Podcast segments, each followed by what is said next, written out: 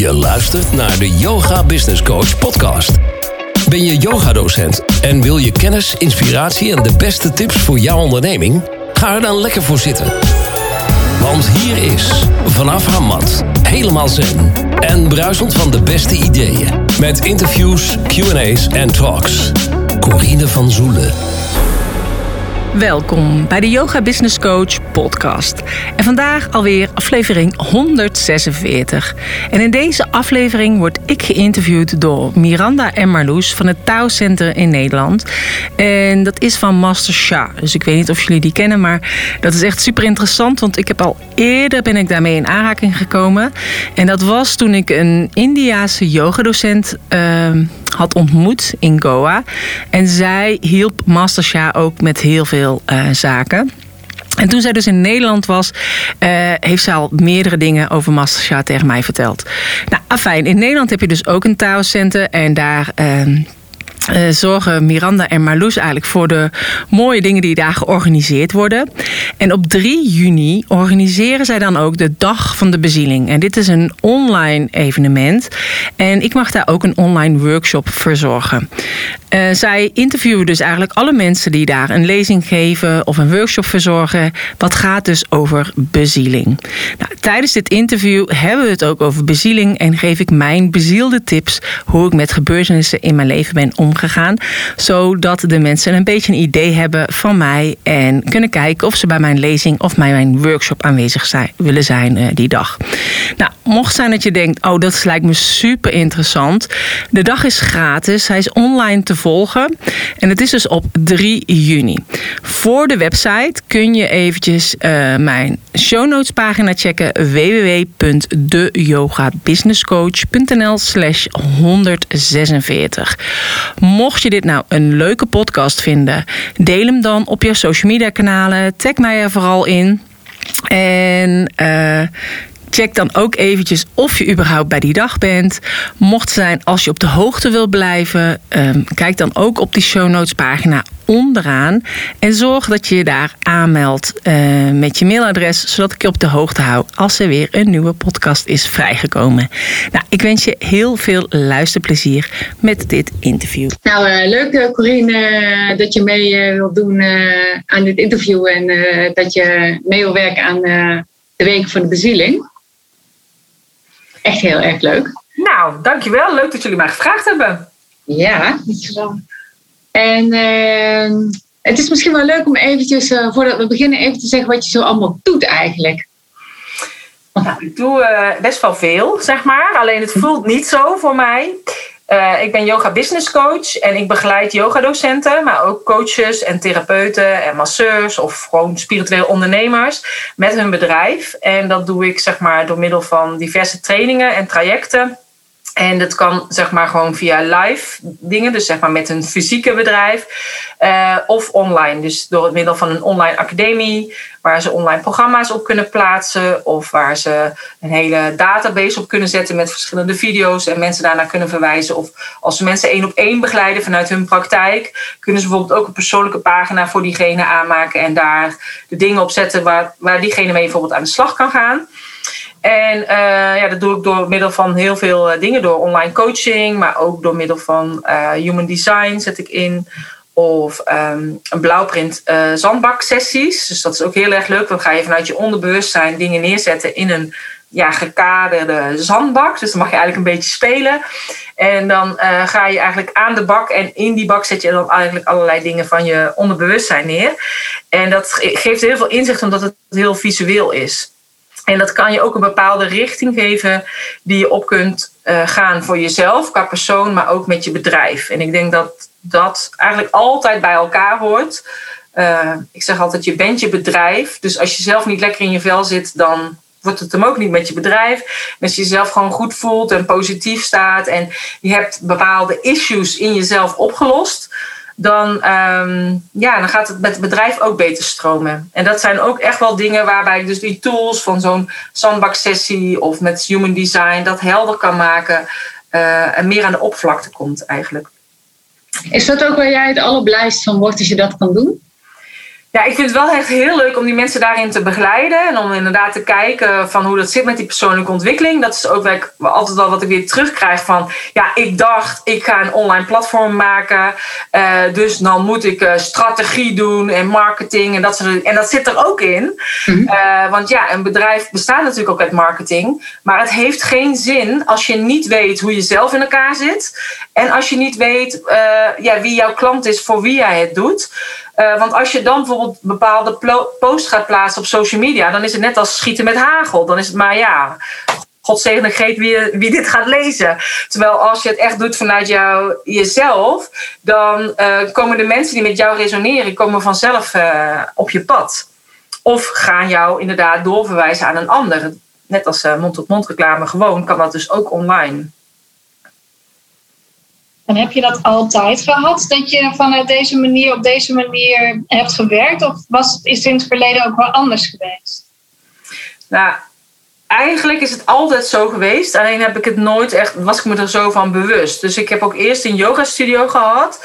En uh, gaf ik yogales. Maar vond ik de yogales eigenlijk altijd een beetje saai. Om alleen maar die houdingen te doen. Dus voor mezelf zoek ik er dan een soort van verdieping in. Dus dan ga ik eigenlijk dingetjes onderzoeken. En vond ik het dus leuk om les te geven in thema's. En misschien dat het ook kwam omdat ik les gaf op een Jenoplan basisschool. Want daar werk je natuurlijk altijd met thema's. En moesten we ook allerlei dingen bij elkaar zoeken om één thema uh, over te kunnen dragen aan de kinderen. Dus ik ging Voor de mensen die dit gaan zien uh, als juf, hè? niet als yoga. Uh, als juf was je op een basisschool. Ja, als juf, als, als leerkracht was ik al op een basisschool, inderdaad. En, maar dan had ik ook een, een project over. Um, over de bouw.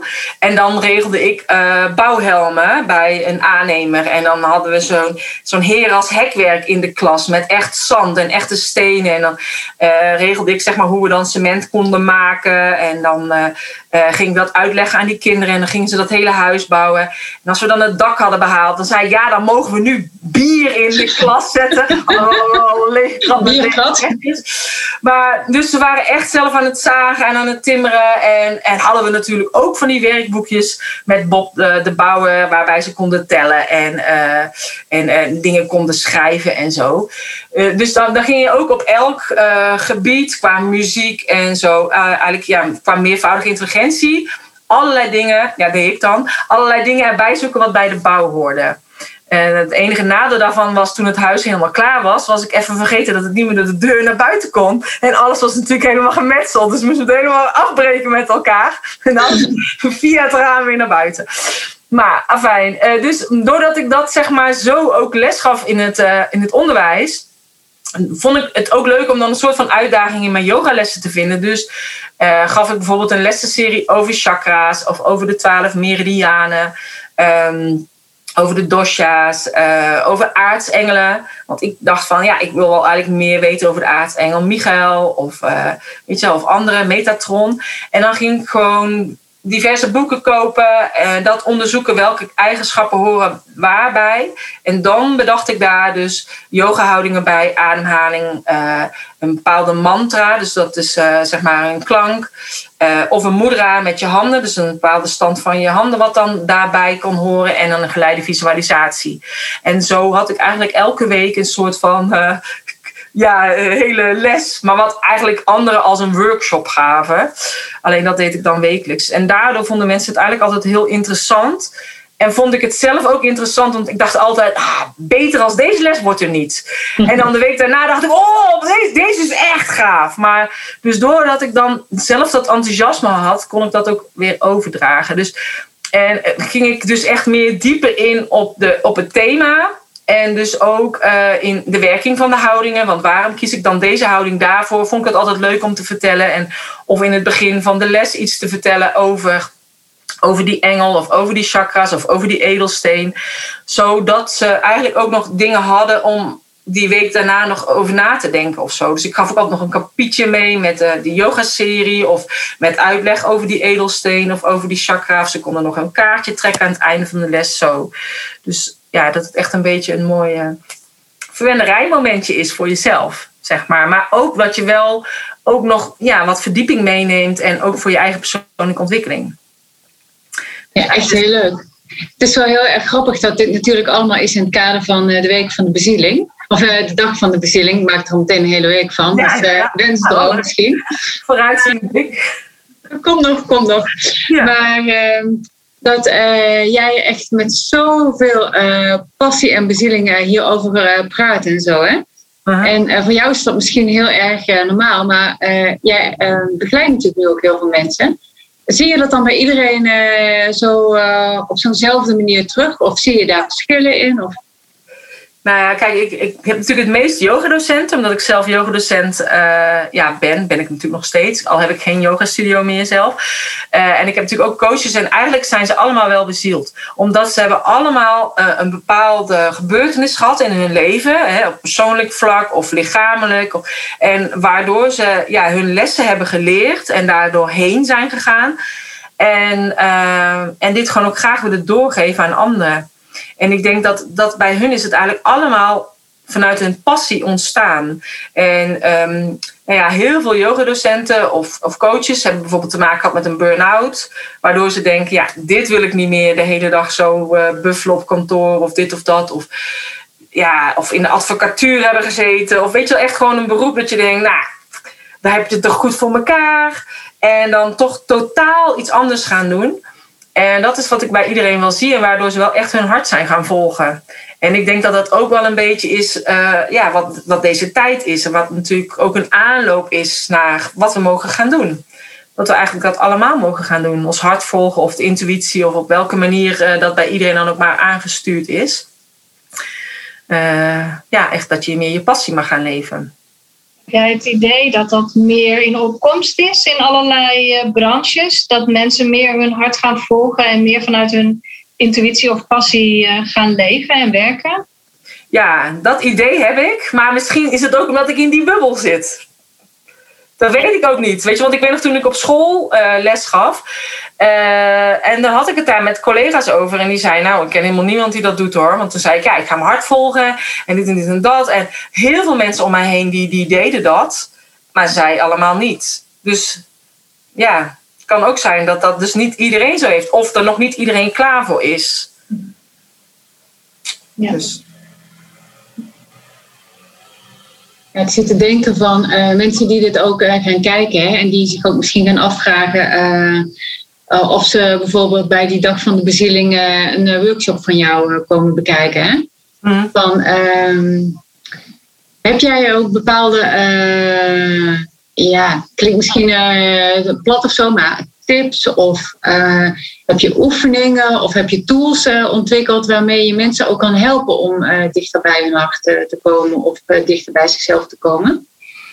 Ja, in mijn training heb ik eigenlijk allemaal ook modules natuurlijk. En module 1 is eigenlijk eerst mindset. Omdat ik denk als je inderdaad je mindset gewoon niet goed is. Of je denkt, ja, ik kan dat niet. Of, en met name ook money mindset. Uh, kijk, als je gaat bijvoorbeeld online ondernemen, ja, dan moet je toch best wel veel van jezelf laten zien. Alleen hoe doe je dat dan? Op de manier die bij jou past. Want uh, ja, je kan bijvoorbeeld zeggen, ja, nee, dan geef je allemaal Facebook-lives of Instagram-lives of je maakt vlogs. Als dat niet bij jou past, ja, dan moet je kijken wat past bij, wel bij mij, zodat ik me kan laten zien op, op, de, op die manier. En dat is eigenlijk wat, waar heel module 1 bijvoorbeeld over gaat. En module 2 ga je eigenlijk meer kijken van wat is mijn DNA, wat zijn mijn kernwaarden, wat is mijn missie, wat is mijn visie. En ik heb bijvoorbeeld nu toevallig ook gisteren een mevrouw die zei: Ja, ik ben nog maar steeds bij module 2. Maar dat is helemaal niet erg, want als je, dat is gewoon zo'n proces. Bij sommige mensen brengt dat zoveel teweeg, dat persoonlijke uh, proces. Um, maar dat moet je eerst uh, ja, doorstaan hebben, zeg maar, voordat je eigenlijk pas verder kunt gaan en kijken: Oké, okay, op welke klant wil ik me dan richten en op welke manier past dan het beste bij mij en hoe ga ik het dan vormgeven en welk social media kanaal ga ik dan dan dus inzetten? Wordt dat dan dus Facebook of Instagram of Clubhouse of via een, een blog of via een vlog of, of via een podcast? Weet je, er is zoveel mogelijk. En daardoor vind ik het bijvoorbeeld wel fijn om die human design ook in te zetten. Zo omdat ik bij de, bij de human design chart kan ik zien, die bestaat uit negen uh, centra. Dus dat is naar aanleiding van de I Ching en de chakra en uh, en vanuit astrologie en zo. Dus dat je heel vaak uh, doen mensen iets vanuit een centrum wat helemaal leeg is, wat, wat niet gedefinieerd is. En dus ehm, waar geen energie in zit. Maar wel wat je denkt dat het, zo, het hoort om het op die manier te doen. En of ja, die doet het, dus die doe ik na. En dat zie je wel bijvoorbeeld heel veel in de online wereld. Dat er van die ja, goeroes zijn, zeg maar even, die zeggen: dit, dit is een manier die echt bij mij past en die ik super fijn vind. En dat heeft mij dit en dit allemaal opgeleverd en dat ga ik jou ook leren. En terwijl ik eigenlijk altijd denk: van nee, ik ga je leren hoe je onderneemt vanuit jezelf. En uh, zodat als jij ziet van oké, vanuit die levenscentra heb ik dus eigenlijk altijd mijn leven geleid. Maar dat heeft me dus die burn-out opgeleverd. Dus hoe kan ik dan zorgen, vanuit welk centra is dus gekleurd, um, zit dus mijn energie en kan ik dus het beste vanuit dat centra gaan leven en dus ook gaan ondernemen. En wat is dan mijn autoriteit en wat is dan mijn strategie om dat eigenlijk neer te zetten? Zodat het ook echt van jezelf is en je ook echt je eigen manier hebt. Super. Mooi jongen. Ja. En als je kijkt naar waarden in jouw leven, welke waarden vind jij belangrijk? Die je nou, probeert te leven en belichamen in je leven? Nou, vrijheid is voor mij heel belangrijk. En, uh, en verbinding en creativiteit. En um, eigenlijk zijn die er altijd al geweest. Want als ik zeg maar die verbinding. Ik vond het ook altijd heel erg leuk om bijvoorbeeld vriendinnen vroeger met elkaar te connecten. Ik dacht van, oh ja, het leuk als je die heeft ontmoet of die Dus toen was dat eigenlijk al, zonder dat ik dat wist. Uh, maar ook toen ik het Yoga Business Event heb georganiseerd toen uh, vond ik het ook leuk om van tevoren een Google Drive document uh, te maken, zo'n gedeeld document. En dat ik zei, nou zet hier je naam en je adres, of, ja, zeg maar je naam en je woonplaats in en je mailadres. Zodat als iemand bij jou in de buurt is, kun je bijvoorbeeld samen carpoolen. Maar ook zet op die, uh, in dat document van als ik op het event kom, dan kan ik dit, uh, heb ik dit te bieden. Uh, bijvoorbeeld een mooie yoga ruimte waar je workshops kan geven. Terwijl iemand anders kan ook zeggen, en dit, hier ben ik naar op zoek. Dus iemand zegt bijvoorbeeld, ja, ik wil workshops geven door het land. Dus dat je eigenlijk al van tevoren kon kijken, oh, met wie wil ik straks even spreken als straks dat event is in de pauze. En dus dat vind ik dan heel erg leuk. En ook door opdrachten dan te doen, zodat ze met elkaar moesten praten. Of dat ze een opdracht kregen voor in de pauze of dat soort dingetjes. Ik vind dat dan leuk om van tevoren uit te zoeken. En um, ik weet ook nog dat ik dan een opdracht gaf. Dan kregen ze bij eh, de ingang eerst een envelop met een naam. Maar dan wisten ze natuurlijk niet wie dat was. En dan zei ik, ja, dan moet je even op Facebook bijvoorbeeld even zoeken of je die naam kunt vinden. Niet op LinkedIn, want dan ziet die ander dan natuurlijk al wat je hebt gezocht. En dan uh, ga je kijken of je die kunt vinden in de zaal. En dan ga je die eigenlijk een beetje in de gaten houden. En aan het eind van de dag geef je diegene een compliment. En dan ging ik, uh, had ik allemaal vouwblaadjes ook. En dan ging iedereen vanuit dat vouwblaadje een hartje vouwen mijn man zei dan echt, ja, Corine, dat is echt zo kinderachtig. Ga toch niet daar op dat podium voordoen om Ja, hoe ze een hartje moeten vouwen. Ja, helemaal ook in die PowerPoint natuurlijk van tevoren gedaan. Dus ik met die mensen dat hartje vouwen. En uh, dan konden ze daar... naar je innerlijke kind. Ja, en dan konden ze daarin dus dat compliment schrijven. Zodat ze aan het einde van de dag dan dat hartje konden geven aan uh, die persoon. En dat is natuurlijk superleuk, want je weet niet wie jou in de gaten houdt.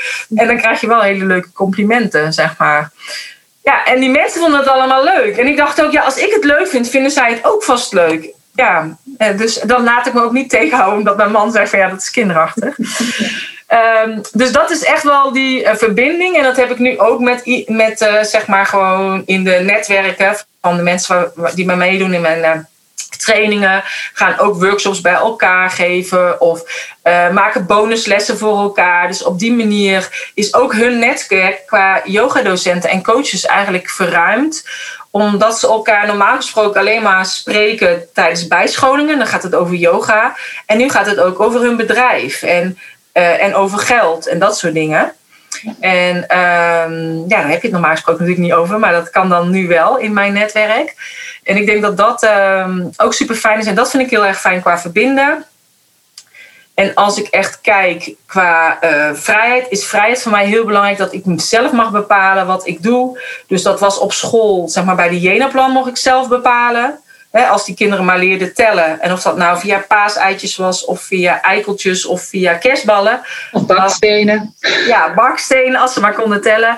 En uh, dus mocht ik echt zeg maar, mijn lessen helemaal zelf indelen. Dat deed ik natuurlijk bij de yogaboerderij ook. die qua die thema's. En dat doe ik nu eigenlijk ook nog steeds. En qua creativiteit vind ik het gewoon wel heel fijn dat ik daarin ook gewoon, ja, ook net als op school kon ik dat. En ook toen ik hostess was in het buitenland in Turkije, bedacht ik ook excursies, kroegentocht en zo. En ehm, ja, en die creativiteit kan ik nu ook kwijt. Dus dat zijn wel echt mijn drie belangrijkste kernwaarden. Die eigenlijk mijn hele leven heb ik die al zonder dat ik me daar echt van bewust was. Ja. Leuk. Ik denk uh, dat mensen wel een beetje doorhebben van uh, wie we in huis hebben gehaald uh, voor de dag. Hey, wat zou jij andere mensen gunnen? gunnen qua? Welke vorm? Ja als je gewoon kijkt uh, in uh, waar uh, mensen allemaal in bezig zijn en welke uitdagingen mensen allemaal hebben, wat gun je mensen nou eigenlijk gewoon het allermeeste? Nou, wat ik het meeste gun is als ze inderdaad die uitdaging hebben, omdat je het over uitdaging hebt, dat ze de uitdaging aangaan. Want uiteindelijk gebeuren er altijd ja, momenten zijn er in je leven, met je stepping stones, die wel de, de richting bepalen, die op dat moment misschien niet al te prettig zijn. Uh, maar uiteindelijk wel uh, ja, jou de meeste groei uh, geven. En ik zag gisteren of zo, of eergisteren nog op social media een plaatje van een man die stond op zo'n cliff. En dan stond hier zo'n hand en die schoot zo die man van die cliff. En er stond er bij die hand Universe. Maar aan de onderkant van die cliff stond ook een hand en die ving die man op en er stond ook bij Universe. Dus dat, ik dacht van ja, dat is zo. Weet je, je grootste lessen zitten eigenlijk in ja, de dingen die niet prettig zijn. Dus eigenlijk maak van je pijn je goud, zeg ik altijd. En sommigen zeggen van je shit je mest. Uh, maar ja, dat is het wel. Dat zijn je grootste leerpunten eigenlijk in je leven. Mooi. Mooi. De uitdaging aangaan. Ja. ja. Gewoon er doorheen. Dus ja. spannend het soms ook is. Ja. En achteraf, dan ben je er altijd blij mee. Maar op het moment zelf, dan denk je, ja, waarom heb ik dit nu? Maar vooral wel het vertrouwen blijven houden dat er een bepaalde reden is waarom jij dat hebt. Omdat je er uiteindelijk alleen maar sterker uitkomt. Waarom denk je dat mensen het zo moeilijk vinden? Omdat heel vaak mensen niet zien wat het grotere plaatje is van waarom hen dat nu overkomt. Die ziekte of dat ongeluk of, uh, of die burn-out. Maar ja, ik denk altijd als je een burn-out hebt, is er echt een leven voor de burn-out en een leven na de burn-out. Weet je wat sommige mensen zeggen van inderdaad een brand in huis, een leven voor de brand en een leven na de brand. Omdat je dan ook heel veel spullen kwijt bent. Maar uh, ja, zo zie ik dat eigenlijk ook. Ik ben zelf van de trap gevallen in 2015. En uh, dat was vlak voor de zomervakantie. En ik dacht, ik had voor mezelf de affirmatie: ik ga uitgerust op vakantie. Want ik voelde al dat het heel erg druk werd. Dus ik dacht, ik ga uitgerust op vakantie. Ik ga uitgerust op vakantie. En toen viel ik van die trap en toen brak ik mijn schouderblad. En toen kon ik helemaal niets meer. Dus ik kon niet meer uh, zelfstandig staan of zelfstandig liggen of zitten. Omdat zeg maar, die hele rugspieren liggen dan dus ook uh, plat. Dus ik kon niet meer zelfstandig staan of zitten of, uh, of gaan liggen. Dus daar had ik eigenlijk hulp bij nodig. Maar ook als ik uh, mijn haren in een staartje wilde doen of zo, ja, dan heb je eigenlijk ook twee handen nodig. Maar ik kon die arm niet meer optillen. Uh, of als je soepkommetje, laatste restje uit je soepkommetje wil halen, dan hou je met één hand toch nog dat kommetje tegen. Dus ik was echt, ehm, ja, ik moest alleen maar hulp inschakelen van anderen. Vond ik heel lastig. Dus het was voor mij wel een les in in loslaten. Om een andere te laten doen en mij te laten helpen. Maar het was ook heel fijn om te ontdekken dat mensen mij ook heel graag wilden helpen. Dus dat als er een invaller was in de yoga studio, dan waren er al leerlingen van mij die waren dan al eerder daar en die gingen al helpen met de matjes mee klaarleggen en die docenten wegwijzen en ook na afloop mee thee drinken en gingen ze schoonmaken en dat soort dingen. En ik kreeg allemaal tekeningen van de kleuters waar ik op dat moment nog eh, les gaf. Dus dat was heel fijn. En ook dat ik heel veel docenten had die ook uh, in wilden vallen en mijn lessen wilden overnemen. En um, uiteindelijk is dat ook de omslag geweest binnen mijn bedrijf. Omdat ik eigenlijk uh, ja, die yogaschool had. En ik had heel veel yogalessen. En ik gaf nog les op school. En ik dacht van, ja, er moet iets veranderen. Eigenlijk moet ik een andere manier gaan vinden om een ander verdienmodel wat mij minder tijd kost. En toen dacht ik, ik wil eigenlijk wel online lessen gaan geven. Maar dat was in die tijd helemaal nog niet zo, 2015. Uh, eh, had je alleen bij het Yoga Magazine, die had zo'n uh, ja, bak met allemaal yoga-video's. Ja, ja. En Esther Eckhart, die had dat ook. Maar voor de rest eh, was eigenlijk nog niks. En eh, dus ik had dat al van tevoren bedacht van ik zou dat wel willen doen. Maar ik heb daar geen tijd voor. Dus maar toen ik dus van de trap was gevallen, toen dacht ik, ik heb nu wel alle tijd. ik heb nu een zee van tijd. En, eh, en ik was dus ook nog nooit zo relaxed op vakantie gegaan. Dus wat dat betreft had mijn affirmatie wel geholpen met ik wil uitgerust op vakantie.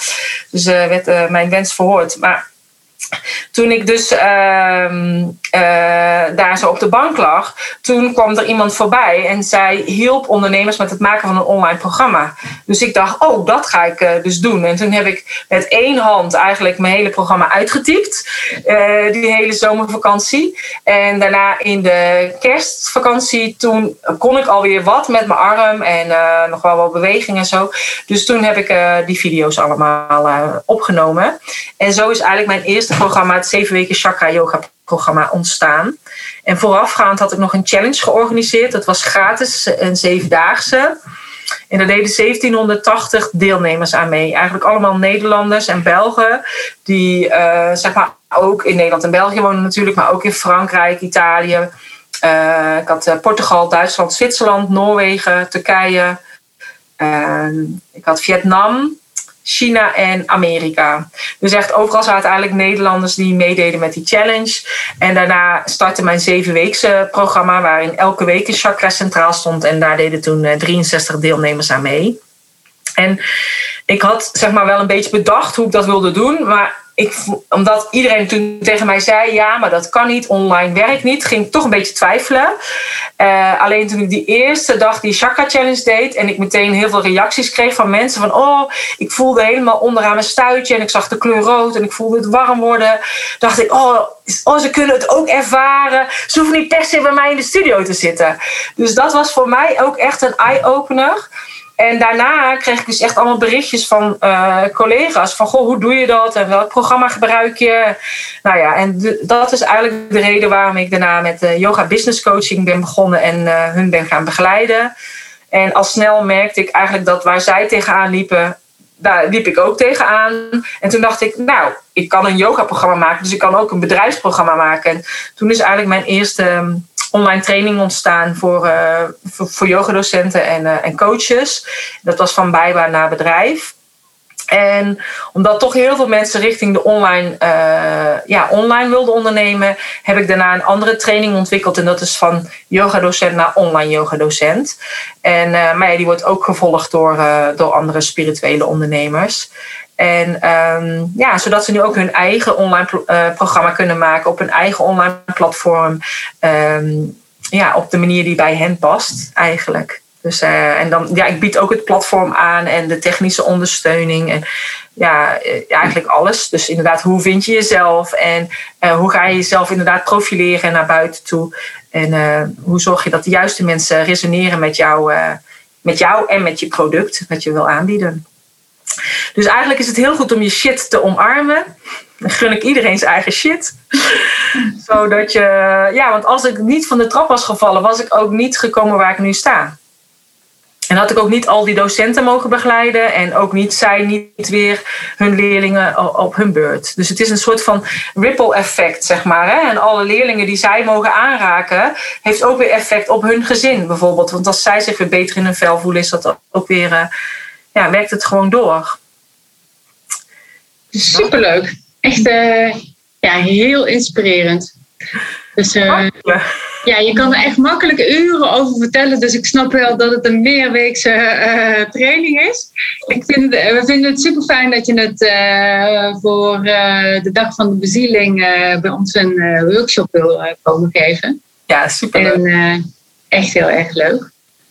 En wat zien we hier graag dan weer? Ja. Dankjewel. Ja, nou graag gedaan. Leuk dat ik door jullie geïnterviewd werd. Ik vond het super tof. Ja, echt heel leuk dat je meedoet met onze dag. En uh, we gaan er iets heel bijzonders van maken. De allereerste keer en jij was erbij. Ja, ik ben erbij. Dus. Hey, dankjewel. Hey, Jij bedankt. Hoi. Ja, dat was podcast 146. Superleuk. Nou, ik hoop dat je ervan hebt genoten. En ik hoop ook dat je denkt: oh, dat lijkt me heel erg leuk om bij die online dag aanwezig te zijn. Het is dus op 3 juni. Er komen heel veel leuke gastsprekers. Er zijn hele leuke workshops. Dus ik zou zeker zeggen: check even de show notes pagina www.deyogabusinesscoach.nl slash 146. Daar vind je de website hoe je je ook kunt aanmelden voor de dag van de bezieling. Vind je ook alle informatie over het Touwcenter in Nederland. En vind je alle social media kanalen. Wil je op de hoogte blijven van de nieuwste podcast? Meld je dan ook op dit deze show notes pagina aan. Zodat ik je op de hoogte kan houden als er iets nieuws vrijkomt. En ik zou het heel leuk vinden als je deze podcast een duimpje, een sterretje of een hartje geeft. Dus dankjewel voor het luisteren en graag tot een volgende keer. Namaste.